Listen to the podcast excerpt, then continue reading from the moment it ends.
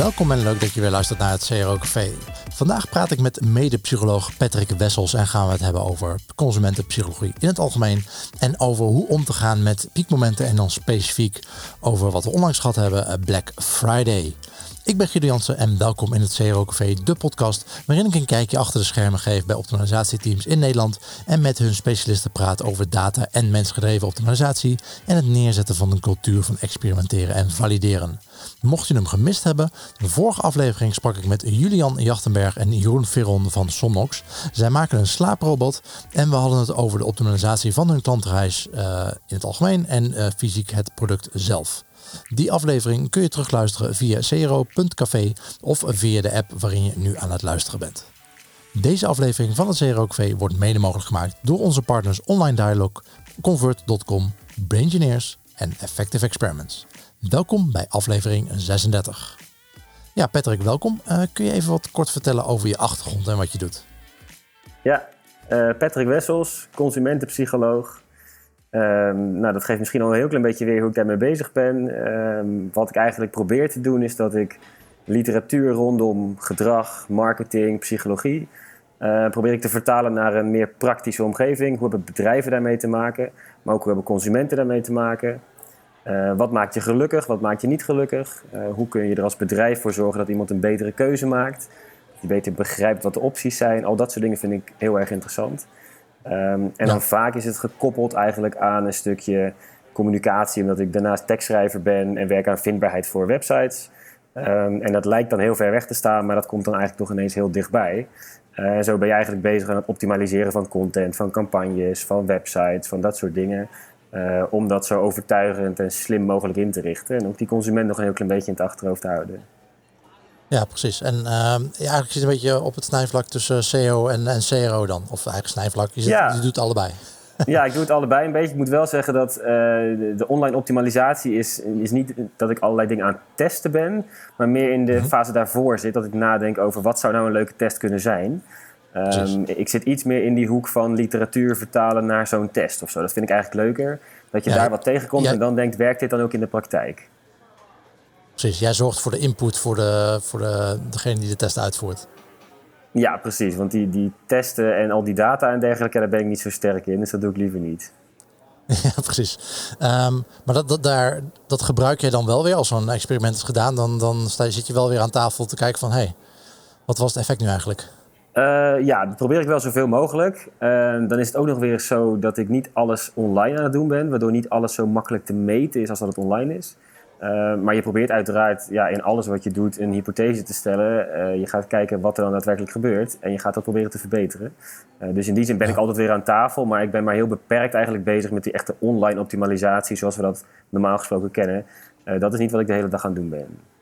Ja, wat een luxe positie hebben we eigenlijk online. Hè? Ik bedoel, we lopen altijd wel moeilijk te doen over de data. Dat de data niet goed is of incomplete of we hebben altijd te weinig. Maar eigenlijk hebben we, als je dat vergelijkt met offline, best ja. wel een lekker leventje. Best wel veel inzicht eigenlijk. Ja, ja het, is, het is juist offline best wel moeilijk inderdaad om die data vergelijkbaar te krijgen met hoe je dat online zou kunnen inderdaad. Dan, dan is het wel degelijk mogelijk om dingen te meten. Maar dan zijn er zoveel factoren ook weer die daar in de weg kunnen zitten.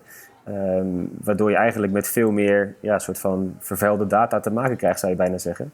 Uh, dus het is best een luxe positie inderdaad. En, en, misschien maak ik het mezelf wel onnodig moeilijk door juist offline een beetje aan de slag te zijn ook. Ja, precies. nou ja, of je kan juist de, de inzichten die je online uh, hebt uh, verkregen, die weer offline toepassen natuurlijk, omgekeerd. Dat is ook wel ja. leuk hè? Ja, nee, absoluut. En, en daarin ook, ehm, deels probeer ik natuurlijk te kijken naar wetenschap en wat wordt er in de literatuur daadwerkelijk gevonden. Maar ik vind het ook heel leuk om na te denken op basis van het ene onderzoek, zou dat in een andere context misschien ook wel kunnen werken. En dan zit je veel verder af eigenlijk van het echte wetenschappelijke gedeelte. Ben je veel meer aan het nadenken over wat zie ik bij andere bedrijven gebeuren. Kunnen wij dat ook niet op een leuke manier proberen? Um, en dan met een heel klein beetje psychologische kennis gaat dat vaak nog net iets beter. En kun je in ieder geval een heleboel foute aannames weglaten. Ja, ja, vind ik ook. Psychologie als achtergrond is perfect voor dit. ja, dat is top. Dat is ideaal. Ja, en ik vind ook, het hey, is en, ook belangrijk dat je dat intrinsiek leuk vindt, denk ik. Anders dan werkt dat niet. Ja, precies. Hey, en, uh, maar wat voor, wat voor werk doe je dan uh, voor bedrijven? Ze huren jou in uh, om onderzoek te doen naar consumenten, dat is het? Of, of hoe, hoe, hoe ziet zo'n Ja, in de meest brede zin van het woord misschien wel. Ehm, nou ja, heel concreet. Uh, laatst was ik bezig. Ehm, dan is er een bedrijf en die, die verkoopt van die stalen deuren. Uh, die zijn in dit geval niet van staal, maar van aluminium. Dat is dan het unieke element van het bedrijf. Uh, maar die hebben een configurator daarvoor. En die vinden zij ontzettend makkelijk. Want daar moet je maar een paar stappen invullen en kun je zo'n deur bestellen. maar de consument blijkt dat on, on, eigenlijk ontzettend moeilijk te vinden. Die vindt het al lastig om aan te geven uh, of een deur 2 meter 31 hoog is of 2 meter 32. Want meet je dat dan inclusief die centimeter onder je deur of zonder die centimeter onder je deur? Um, en ja. al dat soort kleine vraagjes blijken daarin te zitten, waardoor zo'n configurator helemaal niet zo lekker converteert. Terwijl die in de potentie misschien wel heel erg goed is. Um, nou, dan komt een bedrijf bij mij om aan te geven, waar gaat dit nou mis? Kun jij niet eens mee gaan kijken? Um, en dan probeer ik in kaart te brengen wat dan al die keuzes zijn die mensen krijgen en waarom ze dat zo moeilijk vinden en waar dan onzekerheden zitten. Uh, om dat zo goed mogelijk op te lossen, uiteraard. En baseer je dat dan voornamelijk op literatuur of, of doe je ook echt gebruiksonderzoek? Uh, het begint met literatuur. Ik probeer zo goed mogelijk in kaart te brengen welke elementen daarin zitten. Uh, zodra er ineens 25 verschillende mogelijkheden ontstaan om een deur te kiezen, dan heb je te maken met keuzestress. Dat weet je vanuit de literatuur. Uh, vervolgens wil je weten, als ik dat dan naar, naar zeven keuzes breng of naar vijf, wat werkt dan beter? Dat zou je moeten, test, moeten testen natuurlijk. Uh, dus op die manier zitten eigenlijk allebei die elementen daar wel in. Maar op basis van literatuur probeer ik zoveel mogelijk voorwerk eigenlijk te doen om die test zo gericht mogelijk te maken. Ja, en dan uh, wel met gebruiksonderzoek zeg maar valideren. Niet, niet met de massa die we online hebben, maar met gewoon een paar mensen interview doen. Ja, ja. Nou, deels ook wel. Kijk, uiteindelijk kunnen ze dit online gaan doen. Maar voor die tijd is dat wat lastiger. En dan probeer je inderdaad um, ja, mensen toch die keuzes te laten maken en, daarin te kijken wat ze doen. Uh, en dat moet op kleinere schaal inderdaad. En het is ook geen... Uh, tenminste, de klant is landelijk actief, maar het is geen bol.com of zo... die dan zo ontzettend veel traffic heeft... dat je dat heel makkelijk in een paar dagen kunt doen. Um, dus daar ben ik gewoon in beperkt. Maar dan probeer je inderdaad je kennis van psychologie en marketing te gebruiken... om dat toch nog een beetje vooruit te helpen inderdaad. Heb jij interesse in geavanceerde optimalisatietips? Of ben je binnen je bedrijf een conversieoptimalisatieproces aan het opzetten of verbeteren? Convert.com is de organisatie achter Convert Experiences, de privacy-georiënteerde AB-testing tool die dit allemaal een stuk makkelijker maakt. Daarnaast hebben ze nu Convert Launch, een nieuwe service als aanvulling op je AB-testing software dat jou de ondersteuning geeft van een gecertificeerd conversiebureau. Denk aan extra training, opzetten van een interne hypothese en prioritering en hulp bij experimenteren. Voor meer informatie hierover ga je naar convert.com/launch. Ja, precies. Nou ja, we hebben laatst ook een uh, podcast gedaan over uh, nou, hoe kun je nu als uh, nou, MKB'er met beperkte traffic of beperkt budget, hoe kun je nou toch gaan experimenteren? Daar ja. hebben het ook over gehad dat nou ja, je wil eigenlijk zo hoog mogelijk je hebt zo'n zo zo in de wetenschap natuurlijk een, een piramide van um, hierarchy of evidence. Van hoe, hoe, hoe um, waardevol of hoeveel, hoeveel, waarde hechten we aan, aan bepaalde, uh, bepaalde vormen van onderzoek. Met, met helemaal onderaan een expert review. en helemaal ja. bovenaan meerdere, of eigenlijk meta-onderzoek, meerdere ehm, ja, uh, AB-test eigenlijk, die, die mm-hmm. bovenaan staan. En ertussenin zit bijvoorbeeld inderdaad gebruikersonderzoek en dat soort dingen. Ja. ja. dat wil niet zeggen dat als jij niet helemaal bovenaan in die piramide kan zitten, dat je dan helemaal niks meer over hebt, zeg maar, in die piramide. Nee, en dat denk ik ook. Er zitten e-, echt wel mogelijkheden in. En je probeert inderdaad zo hoog mogelijk te komen. Dat is altijd een goed idee. Uh, en soms inderdaad moet je even roeien met de riemen die je hebt. En, en ja. ik merk op zich al, bij sommige klanten is het al fijn om dit soort dingen uit te moeten leggen. Uh, omdat die niet veel verder komen dan inderdaad gewoon een, een vragenlijst of een enquête uitsturen. Um, ja. ja. daar kun je werkelijk alles in vragen, want dat maakt toch niet uit wat mensen daar antwoorden. Daar heb je in principe heel weinig aan. Behalve als het kwalitatief is misschien, dan is het nog wel leuk om inspiratie en ideeën op te doen. Maar verder heb je er eigenlijk niks aan wat mij betreft. Ja, precies. Ja, nou ja en, en uh, nou ja, je hebt psychologie gestudeerd. Dan uh, heb je ook een, uh, een, paar cursussen over hoe je überhaupt een vraag moet stellen. ja. En daar kun je heel veel kanten mee op. Ja, nou, de een, ja, klopt. Mee eens. Ander is nog wel, ik heb psychologie in die zin gestudeerd. Ik heb de pre-master en de master gedaan. Ik heb nooit de bachelor psychologie gedaan. Uh, omdat ik kom vanuit de richting international business en management. En dan een major in marketing leek het meest logisch. Alleen dat vond ik dan ja. weer te voor de hand liggend. En vandaar dat ik de kant van psychologie op ben gegaan. Uh, ah, dus okay. ik heb enige psychologische basis. Maar de grootste basis is eigenlijk net iets anders. Um, en, en daarom denk ik ook wel eens, uh, soms dan, dan word ik wel eens gevraagd van hoe krijg je dat nou voor elkaar om bij klanten dit soort dingen wel voor elkaar te krijgen. Terwijl misschien niet iedereen dat lukt. Ik heb misschien net de grote mond van de marketeer meegekregen in plaats van de voorzichtige aanpak van de psycholoog. en ehm, nou ja, dat helpt me denk ik wel om bij zo'n klant iets makkelijker aan tafel te komen en te zeggen luister maar, maar naar mij, dan gaan we dit echt wel goed oplossen. Ja, precies. En, uh, maar is, is dat de voornaamste uh, voordeel zeg maar, van die combinatie? Of heb je nog meer dingen, dingen waarvan je denkt van hé, hey, dat is eigenlijk wel een hele handige combinatie om, uh, om die zo te hebben? Qua achtergrond. Voor mijzelf bedoel je? Ja. Ja, ik, ik vind het heel fijn dat ik, um, dat ik binnen kan komen als tekstschrijver bij heel veel klanten van mij. Ik, ik merk dat het heel moeilijk is om Um, ik had mijn studie afgerond en dan ben je consumentenpsycholoog, tenminste zo noem ik dat dan in het Nederlands. En dan ergens aankloppen en zeggen: Ik weet wat over psychologie en ik ga jou helpen om dat te gebruiken. Dat is ontzettend moeilijk in mijn geval. Uh, terwijl als tekstschrijver kan ik daar binnenkomen en simpelweg een stuk tekst aanleveren dat beter is dan wat ze nu hebben. En dat maakt het heel tastbaar.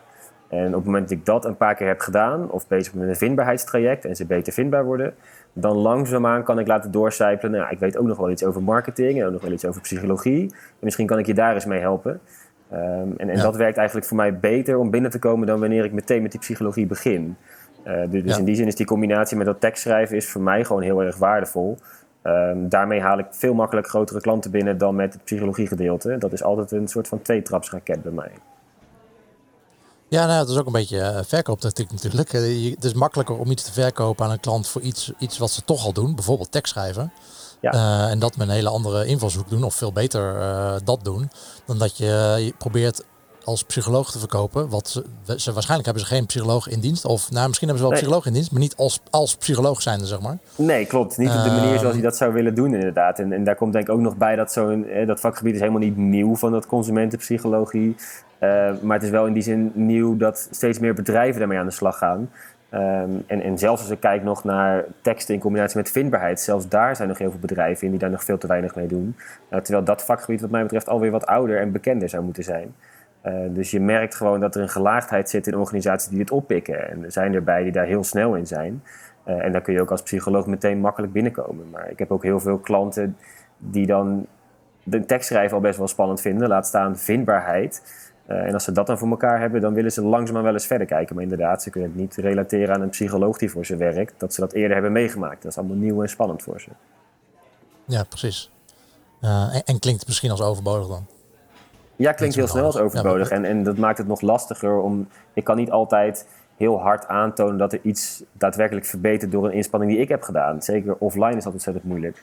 En, en, dan is het makkelijker om als tekstschrijver in ieder geval te kunnen bewijzen dat je iets aan het doen bent wat waarde oplevert. En vanuit die extra waarde die je creëert, willen ze dan nog wel eens zeggen: Nou, in dat geval mag je ook hier wel eens wat proberen. En wie weet dat het nog ja. meer oplevert. Ja, precies. Hey, je had het uh, net in het begin over, nou ja, je, je, je, leest veel artikelen over uh, psychologie, veel onderzoek en dat, uh, dat probeer je toe te passen. Um, wat, wat ik wel een persoonlijke uitdaging vind, is om, om daarmee bij te blijven. Want psychologie is natuurlijk sowieso een enorm vakgebied. Um, de, ik denk dat uh, de helft van alle studies die ik in mijn boeken heb uh, gezien tijdens mijn studie psychologie, die is niet meer uh, relevant, want die zijn allemaal, nee. die waren, die zijn, die zijn debunked. Mm -hmm. Dat is in de sociale, sociale wetenschappen wel een, wel een uitdaging natuurlijk de laatste jaren. Ja, ja absoluut. dus hoe, hoe, hoe zorg je ervoor dat je, dat je bijblijft, zeg maar, en dat je ja, die artikelen vindt die nuttig zijn voor jou? Ja, nou, ten eerste door geen boeken te lezen over dit onderwerp. In ieder geval zo min mogelijk. Ja. Omdat ik daarmee het idee heb dat ik sowieso al een paar jaar achterloop. Uh, dus ja. ik krijg heel ja. vaak de vraag, kun je een paar boeken aanraden? En dan is het antwoord standaard nee, want die lees ik zelf ook niet. Dus dat gaat niet. Um, wat ik wel doe, is dat ik abonnementen heb op een paar journals. Um, Journal of Consumer Research en Journal of Consumer Psychology. Die twee vind ik daar voor mij het meest relevant in. Um, ik probeer zoveel mogelijk artikelen ervan te lezen. Het lukt me ook niet om alles bij te houden natuurlijk. Um, en dan, nou, je noemde het al even eerder, zo'n meta-artikel is dan vaak het meest interessant, omdat je daarin in één klap heel veel informatie binnen kunt halen. Um, en die informatie is ook nog een keer extra gevalideerd, dus dat vind ik altijd wel prettig. Um, aan de andere kant, ik, ik, lees ook juist heel veel artikelen die wat geen meta-artikelen zijn, maar gewoon de, de, losse onderzoeken als het ware, omdat die dan weer het best geschikt ja. zijn om artikelen over te schrijven. Ik schrijf mijn eigen blogs daarover om bedrijven te inspireren, maar ook vooral om de media daarmee te bereiken en zoveel mogelijk consumenten te bereiken. Um, en dan scoort het nou eenmaal beter als je daarin een heel klein beetje kort door de bocht kunt gaan. Ehm, dus vandaar dat ik daar een soort van twee stromen in heb. Voor mezelf probeer ik me te verdiepen in die literatuur op de manier zoals het wat mij betreft hoort. Meta-analyses. Ehm, maar aan de andere kant gebruik je ook die simpele, eenvoudige onderzoekjes waarmee je een, een, mooie kop kunt creëren, zoals die misschien in het AD heel mooi zou staan. Uh, waar een wetenschapper uh, niet heel enthousiast over zal zijn, denk ik. Door neurowetenschappen met AI te combineren, detecteren ze bij Braingineers de emoties onder consumenten op basis van hersendata. Tegelijkertijd worden ook eye-tracking, mouse-tracking en schermopnames vastgelegd, zodat je per seconde kan zien hoe je consument online interacteert en wat zij op dat moment onbewust voelen. Deze informatie wordt toegankelijk gemaakt voor je hele team middels hun Emotion Analytics platform BrainPeak, de sleutel tot de ware consumentenbeleving. Ontdekken hoe consumenten zich echt voelen op jouw website? Ga naar www.braingineers.com. Uh, maar inderdaad, die, die, die kopjes in die kranten zijn inderdaad van die, uh, die vaak van die kopjes waarvan je denkt uh, dat dat is wel heel erg extreem of zeg maar. of of um, ja, waarschijnlijk niet waar het onderzoek over ging. Je hebt natuurlijk heel vaak mhm. van die onderzoekjes die je op de radio ook hoort. Waarvan je al denkt van tevoren van waarom zou iemand daar in vredesnaam onderzoek naar doen? En dat is meestal ook niet de, nou ja, en het, het, hoofddoel van het onderzoek geweest. Dan, dan krijg je het voor elkaar om ook maar bij de minste correlatie een kausaal verband in de titel te, te presenteren. En dat is natuurlijk ja, dat is heerlijk voor, voor kliks en dergelijke, want daar gaan mensen helemaal los op. Maar dat is natuurlijk niet hoe je dat als wetenschapper zou willen doen. Aan de andere kant, ehm, ik, schrijf een tijdje columns uh, voor RTL Z en voor de ondernemer. Daar moet ik een titel voor verzinnen altijd. En dat probeer ik al zo extreem mogelijk te doen, dat ik echt zelf denk van, ja, dit kan eigenlijk niet. Eh, en dan nog komt er een koppenmaker en die haalt daar in, in twee seconden iets uit. En dan denk ik van ja, dat is nog minder wat ik echt aan het vertellen ben. Maar ik snap wel dat mensen dit wel aanklikken en die van mij niet. Uh, dus dat is altijd een lastig soort van spanningsveld waar ik in zit. Um, op het moment dat ik namelijk die kop gebruik die die koppenmaker maakt, zorgt het er wel voor dat veel meer mensen dit lezen. En dat ik veel meer mensen kan vertellen over het vakgebied. En dat vind ik ook heel erg belangrijk.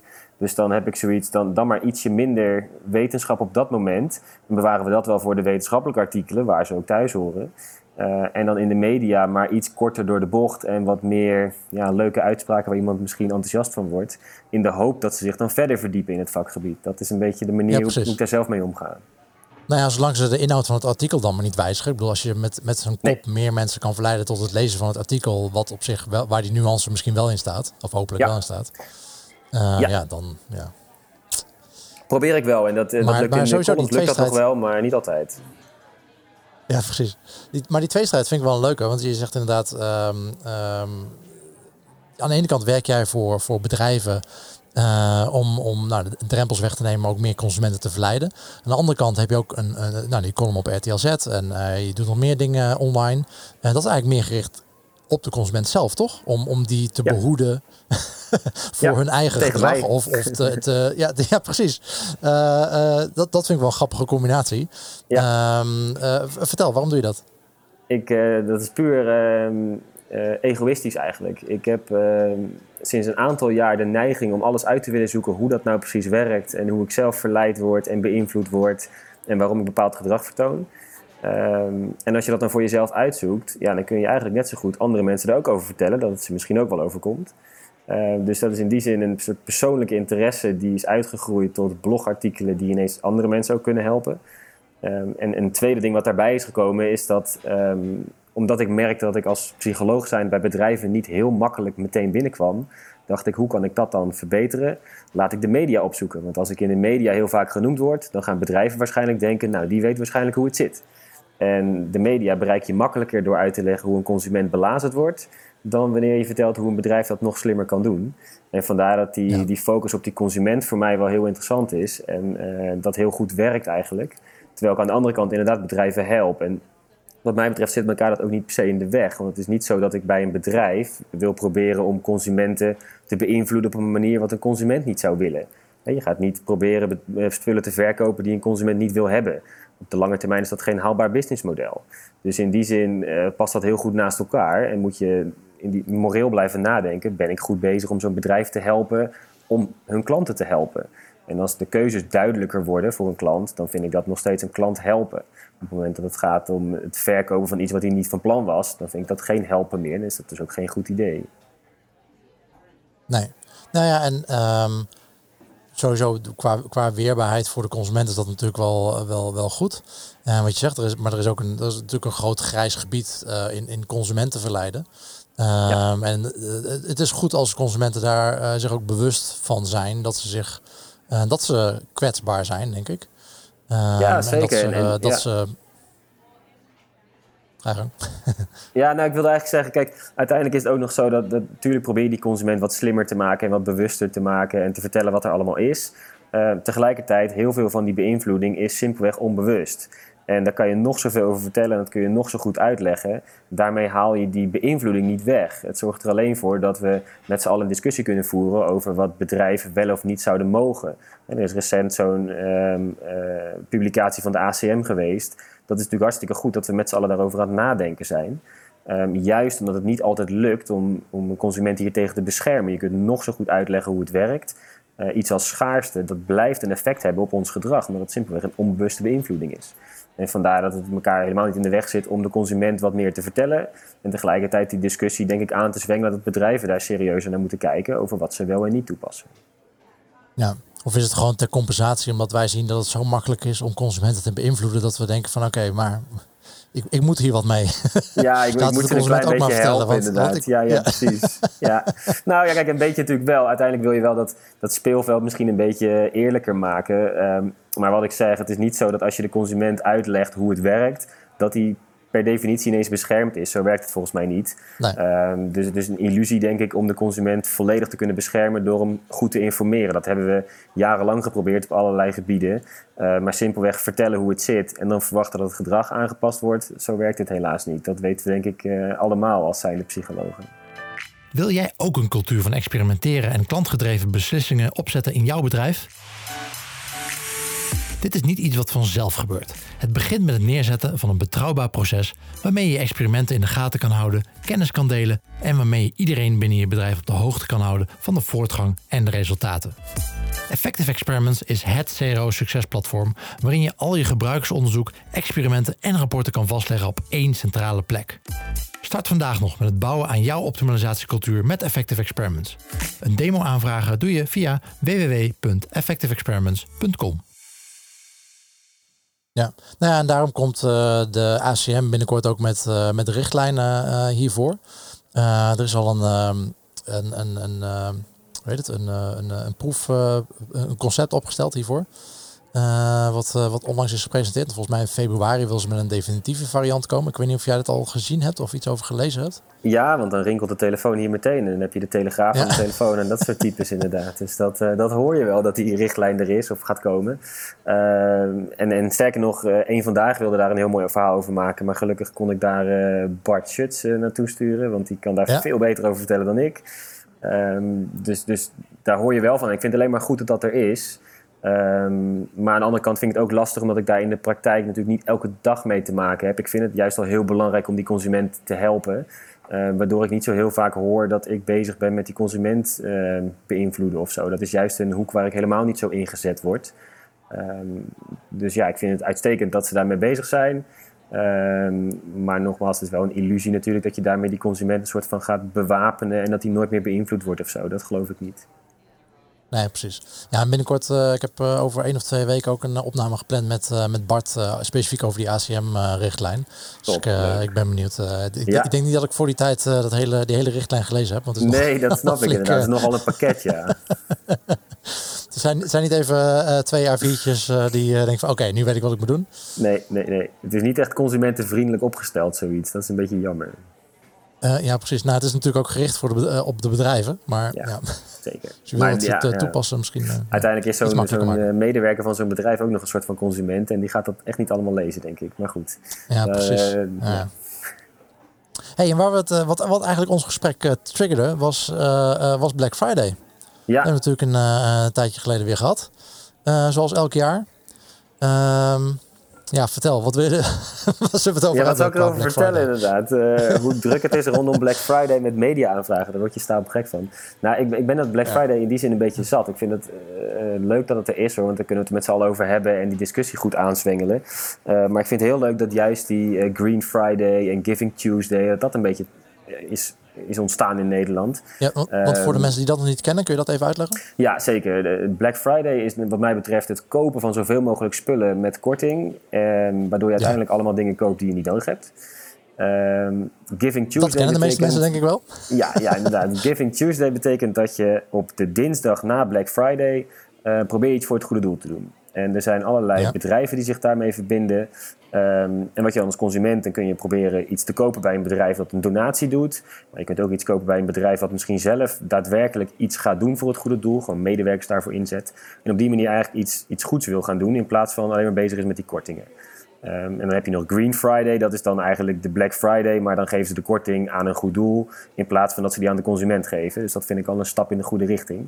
Ehm, maar dat, Giving Tuesday vind ik nog ietsje sterker, omdat je daarmee ook een soort van verbondenheid en een ideaal inspeelt om met z'n allen iets vooruit te brengen voor de goede zaak. In plaats van dat je weer bezig bent om iets te kopen, terwijl we al zo ontzettend veel spullen hebben. Ehm, dus ik hoop dat we iets meer kunnen opschuiven naar eerst misschien die Green Friday en daarna Giving Tuesday. En dat die Black Friday hopelijk steeds een beetje kleiner wordt. En dat we misschien wel eens een keer gaan inzien dat we echt wel genoeg spullen hebben. Ja, maar ja, Patrick, denk je dat het echt gaat gebeuren? Nee, ik bedoel, ik zie, de, ik zie Black Friday eh, de afgelopen jaren alleen maar groter worden. Eh, ik bedoel, het was inderdaad eerst Black Friday. Nou ja, toen, eh, toen kwam online bedacht van, oh, nou, weet je, we gaan op maandag wat doen. Want dan zit Ja. iedereen thuis, in Amerika tenminste. En in Europa hebben we überhaupt niks met, met die hele feestdagen te maken daar. Maar toch doen we er leuk aan mee. Ja. En inmiddels is het volgens mij sinds vorig jaar een beetje een Black Week aan het worden. Ja, dat is niet normaal. dat is Ehm, niet normaal. Ja, En dat is op zich wel gunstig hoor. Want omdat het zo'n week is, is het dus het hele Black Friday in Nederland helemaal niet zo gigantisch geworden als in Amerika, heb ik het idee. Ehm, omdat eh, normaal gesproken zou je verwachten dat dus op donderdagavond, donderdagnacht om 12 uur begint het. Dan heb je de hele dag Black Friday. En als het dan weer 12 uur wordt, dan heb je gewoon pech. Dan is het voorbij. In Nederland is dat niet zo. In Nederland heb je de hele week de tijd om allerlei troep te kopen. En dat zorgt er ook nog eens een keer voor dat die urgentie ietsje minder groot is, denk ik. Ehm, en, en, en om meteen even vooruit te waardoor het lopen. eigenlijk iets minder werkt. Ja dat, ja, dat denk ik wel. En dat is eigenlijk alleen maar gunstig. Want daardoor krijgt bijvoorbeeld zo'n Giving Tuesday wel de kans om te ontwikkelen. Ehm, en het mooie eigenlijk vind ik dat voor de bedrijven... Stel nou dat je dus niet eh Coolblue bent en niet Bol.com bent... maar toch wat wil doen wat aandacht trekt. Dan is dat heel moeilijk om tijdens Black Friday natuurlijk een verschil te maken. Ehm, je, kunt, eh, Ja. ja. je kunt op een gegeven moment naar 100% korting... maar dan houdt het toch een keer op. En, en dan is zo'n Giving Tuesday veel interessanter. Want het biedt veel meer creativiteit om iets te laten zien... wat een verschil maakt, wat het uniek maakt. En tegelijkertijd ben je bezig met duurzaamheid te verbinden met jouw merk. Wat denk ik heel veel merken op dit moment heel erg interessant vinden. In plaats van dat je jouw merk verbindt aan enorme kortingen en een soort outlet-imago, wat je helemaal misschien niet moet willen. Ja, precies. Want heel veel merken zijn er natuurlijk niet eh, opgericht om een prijsvechter te zijn. Eh, en dat is wel een beetje wat je dan met zo'n Black Friday in de hand werkt. Eh, wat, consumenten daarmee gaan verwachten. En dat is misschien helemaal niet iets waar jij je als, als merk aan wil verbinden. Nee, en, en dat is best wel raar eigenlijk dat er zoveel bedrijven zijn die daar dan toch aan meedoen, omdat de rest het blijkbaar ook doet. En dat is dan gelukkig vanuit het consumentenbrein wel weer te begrijpen, omdat we dat nou eenmaal prettig vinden om de rest te volgen. Eh, maar het is natuurlijk een beetje een rare trend dat je als bedrijf dan maar kortingen gaat geven omdat iedereen korting geeft. Terwijl dat helemaal niet past bij wat je normaal gesproken uit zou willen stralen. En dan is een alternatief daarvoor wel heel erg fijn, denk ik. Ja, ik dacht, ik dacht misschien, eh, misschien kunnen we ook de andere kant op eh, denken. Dat we Black Friday gewoon helemaal opblazen. Ik bedoel, we, hebben, hadden eerst Black Friday, toen werd het een week. Nou, als we nou volgend jaar een maand doen en het, en het jaar daarna gewoon dat het hele jaar gewoon weer normale prijzen hebben, dan zijn we er ook Ja. vanaf. Nou, sterker nog, bij Zeeman is het al het hele jaar, las ik. Want die hadden gewoon aan- ingevuld dat ze geen korting hadden, maar dat het daar elke dag Black Friday is. Nou, dat vond ik best wel Ja, precies. Ja, Ja. Ehm, zo kun je er ook mee omgaan natuurlijk. Ja. Ja, ik vond, eh, ik vond het sowieso- lastig. eh, of, in ieder geval vanuit, eh, vanuit de verkopende partijen. Ehm, ja, je wordt inderdaad een soort van gedwongen om eraan mee te doen, toch? Het is, het is een soort ook sociale druk die je hebt van, van Ja. je consumenten. Nou, zeker. Om dit soort dingen, met, de consumenten gaan het gewoon verwachten van je om, om hier aan mee te doen. En Ja. ik denk dat ook heel veel partijen, in ieder geval in de week voorafgaand aan Black Friday, gewoon een dip in hun verkoop zien. Dus ik vraag me ook wel af om, om, om voor heel veel partijen of ze wel een berekening doen van of het eigenlijk wel wat meer, of het wel wat oplevert, zeg maar. Ik denk dat je er best wel verlies op kan draaien. Eh, als je een beetje pech hebt, omdat mensen van tevoren eh, eh, iets niet, niet gaan kopen. Gewoon wachten op Black Friday en dan met korting kopen. Ehm, en ik denk ook dat, dat je er veel minder lo- loyale klanten aan overhoudt. Uh, dat, dat zie ik ook heel veel partijen. Ik zou ook een paar artikelen voorbij komen. Ja, we richten ons niet op die, op die ene verkoop Black Friday, maar we willen echt langdurige relatie met onze consumenten opbouwen. En daar, daar gebruiken we dan Black Friday kortingen voor.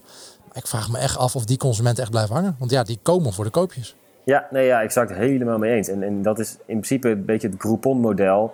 Zo'n klant bij Groupon die komt met een enorme korting iets kopen. Uh, die gaat naar een restaurant toe waar die voor de helft van de prijs een veel te klein gerecht krijgt voorgeschoteld. Ja, diegene die verwacht de volgende keer diezelfde prijs. Of is ontevreden over hoe klein een stukje vlees was. Ik bedoel, wat dat betreft is het niet de manier waarop je, wat mij betreft, als bedrijf je zou willen profileren en presenteren. Uh, dus ook daarom denk ik weer dat dat hele Black Friday helemaal niet zo'n goed idee is. Zeker niet voor kleinere retailers. En ik heb hier in de buurt ben ik wel naar een aantal winkels toe geweest. En dan, dan merk je ook wat een heleboel na vorig jaar juist niet meer mee hebben gedaan. Dat ze aangaven, ja, of we nou echt zoveel meer eigenlijk aan omzet draaien, dat weet ik eigenlijk niet. En de nieuwe klanten die er kwamen, die komen inderdaad eenmalig een korting scoren. En die zie ik daarna eigenlijk toch niet meer terug. Dus volgens mij heb ik er niet zoveel aan. Kan ik het beter laten overwaaien. En gewoon zorgen dat ik in de tijd daaromheen een hele goede service lever. Of misschien uniek ben in de adviezen die je kan geven. Dat ik op die manier mijn klanten veel meer waarde kan geven. Want als ze het goedkoop willen hebben, gaan ze het toch wel online halen. Dat, dat win je toch niet. Nee, nee. Ja, en uh, lastig voor die, uh, uh, voor die inderdaad specifiek voor die kleine uh, retailer. Ja. ja. Ehm, ja. Nog andere tips voor die kleine retailer die denken van ja, ik moet hier aan meedoen. Al mijn concurrenten doen het. Ja. Nou, los van Giving Tuesday. Ja, ja, ja. ja de beste tip is, is wat mij betreft om het echt te zoeken in, um, in waarde die je kunt toevoegen. Kijk, uiteindelijk zo'n klant die komt niet gewoon een fles wijn halen of zo. Die, die komt niet gewoon een product halen bij je. maar die komt eigenlijk voor veel meer dan dat. Die komt voor een stukje service, die komt voor begrepen worden, die komt voor gewaardeerd worden. Al dat soort dingen zijn daarin belangrijk.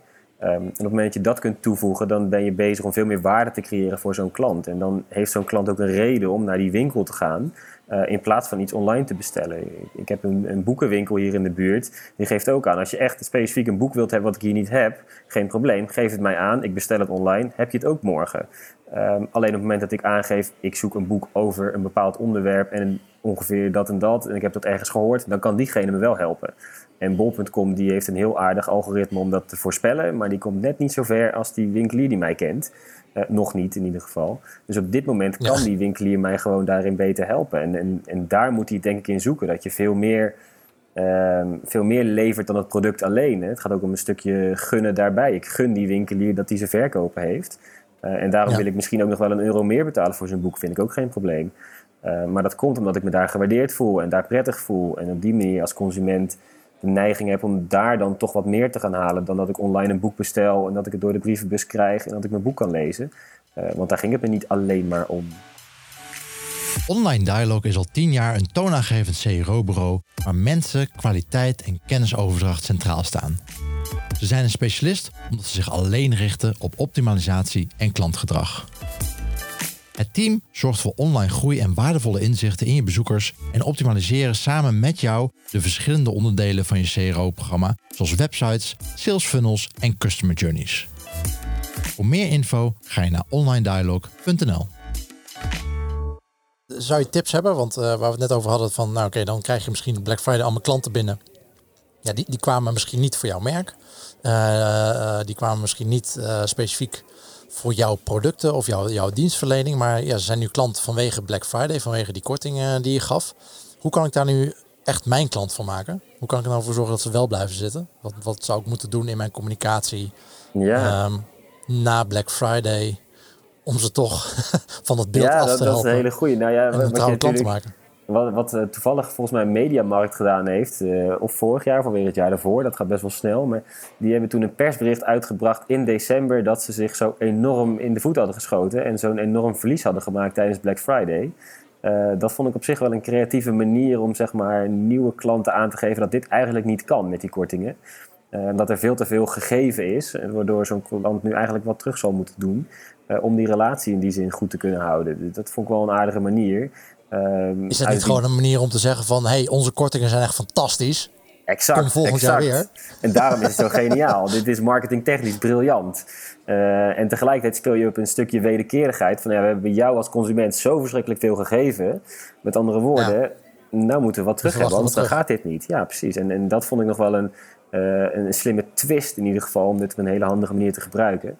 Ehm, ik, denk, ik denk wel dat het heel moeilijk is om ehm, klanten die puur op basis van korting bij je komen kopen, om die nou met een soort van extra waarde of op een andere manier dan nog weer te overtuigen. Ehm, daar heb ik in ieder geval geen kant-en-klaar antwoord op. Daar zou ik eens even langer over na moeten denken. Ja. Ja, dat is ook een lastig natuurlijk, want specifiek op Black Friday, als ze dat zeggen over Black Friday, dat is natuurlijk de drukste dag van het jaar. Dus dan kan ik natuurlijk denken van ja, ik kan in mijn eentje als enige consument wel wat terug doen. Maar ja, wat heeft dat nou voor ja, effect? Precies. Dat maakt helemaal niet uit. En, en, niemand die wat merkt. En, en dat is ook waarom ik als enige geen afval hoef te scheiden. En de rest van de wereld dat moet gaan organiseren. Want dan pas verschilt er wat. Precies. Um, dus dat soort dingen heb je mee te maken. En daarom is het ontzettend moeilijk, denk ik, om rondom die Black Friday die klant loyaal te maken. En daar echt heel veel waarde uit te halen. Um, enige uitzondering als je toch al bekend staat om je lage prijzen. Als je toch al bekend staat om je outlet-activiteiten. Ja, precies. Tuurlijk, dan is het heel interessant. Maar als je, dat, als je dat helemaal niet hebt, dan moet je dat natuurlijk niet doen. Nee. Hey, wat voor uh, columns kunnen we nog uh, van jou verwachten binnenkort? Ben al wat aan het schrijven? Nee, ik, ik, schrijf altijd een paar dagen van tevoren pas. Ik plan dat niet heel erg vooruit, dus dat is even lastig. Er komt wel iets aan van feestdagen natuurlijk, dus dat zal ongetwijfeld daarover moeten gaan. Ik verwacht heel veel dingen rondom hoe kies je nou het beste cadeautje? Wat moet je nou op je verlanglijstje zetten? Hoe los je het op als iemand geen verlanglijstje heeft? Dat soort dingen gaat ongetwijfeld voorbij komen. Uh, in januari gaan we natuurlijk met z'n allen bedenken hoe krijg ik het nou voor elkaar dat er toch weer iemand naar mijn winkel komt, ondanks dat december zo'n enorme uitgavenmaand was. dus dat soort thema's zullen wel gaan spelen, denk ik. Maar het is niet zo dat ik met een planning werk en dat allemaal al klaar heb liggen, helaas. Dus daar kan ik je nog niet te veel over vertellen. en uh, maar, maar voor consumenten, wat, wat zou je advies zijn uh, rondom feestdagen? Of het nu kerst is, of ja. moederdag, of vaderdag, Valentijnsdag? Nou ja, een van de dingen, ik heb al een paar keer nu de vraag gekregen, hoe vul ik nou dat verlanglijstje? Want dan moet je voor, voor 15 euro, voor twee tientjes, moet je daar iets op gaan zetten. en laten we eerlijk zijn, als iets 20 euro kost en je wilt het graag hebben, dan had je het wel gewoon gekocht. Dus dat je het nog niet hebt, dan, had je, dan hoef je het blijkbaar ook niet te hebben. dus het makkelijkste daarin is om na te gaan denken over wat je nou gewoon leuk vindt om te doen. En het wordt inmiddels gelukkig een beetje een cliché, al heb ik af en toe het idee, en dat vind ik alleen maar positief. Zorg ervoor dat je vraagt om iets te gaan doen, ervaringen te hebben met elkaar, in plaats van dat je spullen vraagt. Um, simpelweg even een keer, als het iets droger is dan vandaag, door het bos lopen is veel leuker dan dat je weer iets krijgt voor twee tientjes en denkt, wat moet ik hiermee?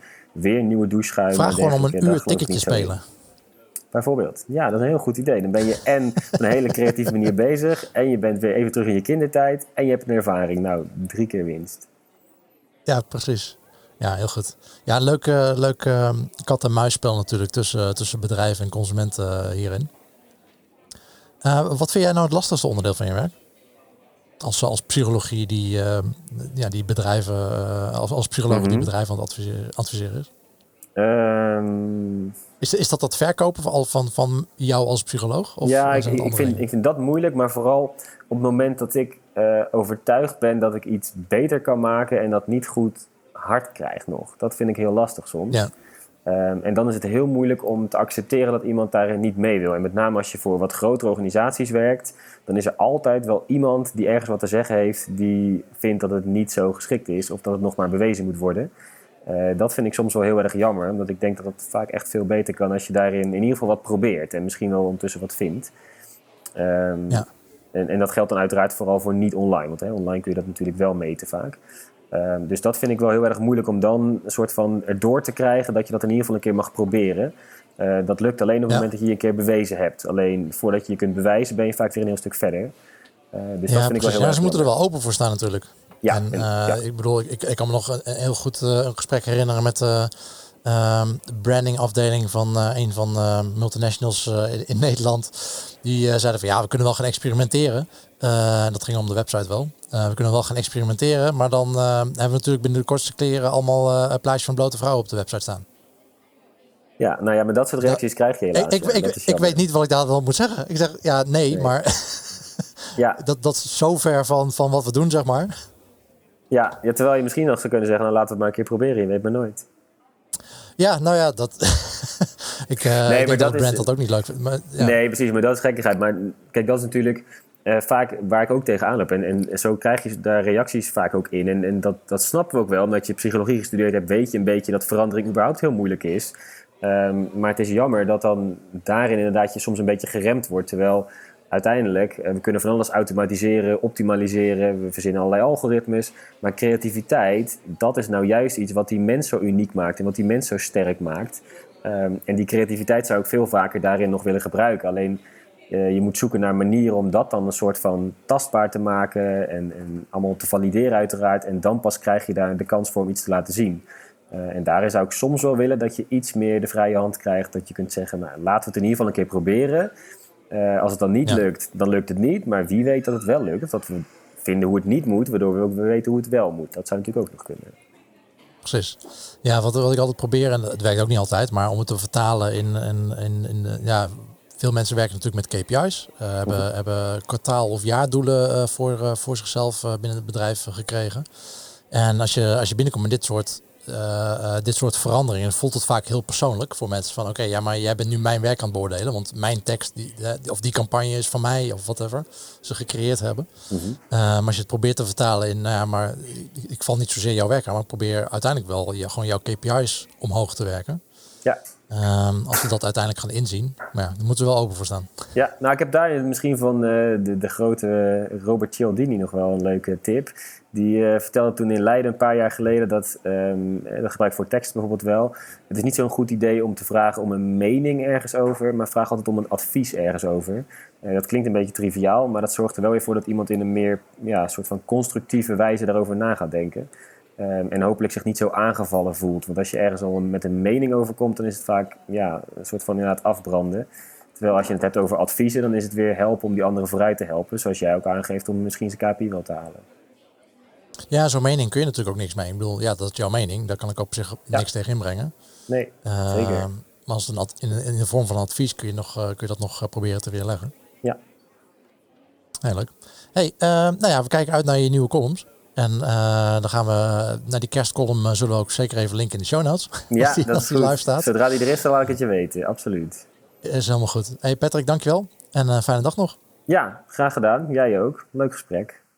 Zometeen ga ik je vertellen waar de volgende aflevering over gaat. Maar uiteraard heb je eerst nog de wekelijkse Neuronugget te goed. Philip Jordanov van Neurofight Academy heeft het deze week over een cultuur van experimenteren en het aannemen van de mensen voor je team. Vandaag bespreken we het laatste deel van de webinar over Culture of Experimentation. We bespreken de drie stappen die een organisatie moet nemen om een cultuur van experimentatie op te nemen en behandelen het framework dat dit mogelijk maakt. Zoals eerder besproken ontstaat een cultuur van experimentatie niet automatisch. Bedrijven als Booking.com en Amazon zijn uitzonderingen waarbij experimentatie diep in het fundament is verwoven. Andere bedrijven zien deze potentie en onboarden een CRO-team, maar vaak met als enig doel het opschroeven van de conversies. Een belangrijke vraag om te stellen aan het management is waarom een CRO-team wordt aangenomen. Als het enkel om conversiestijgingen gaat, is de kans groot dat deze organisatie een ander beeld heeft van experimentatie dan dat jij hebt. Om een cultuur van experimentatie te realiseren is het belangrijk om op één lijn te komen. Ook vereist een cultuur van experimentatie de juiste skills. Het is belangrijk dat een CRO-team wordt voorzien van voldoende vaardigheden in onder andere onderzoek, onderbouwing en statistiek. Zo kan een CRO-team gestructureerd experimenteren met sterke hypotheses, een duidelijk testplan en de juiste prioriteiten. Daarnaast moet er een balans zijn in focus. CRO-teams neigen vaak de focus te leggen op tactische en praktische aspecten van experimentatie.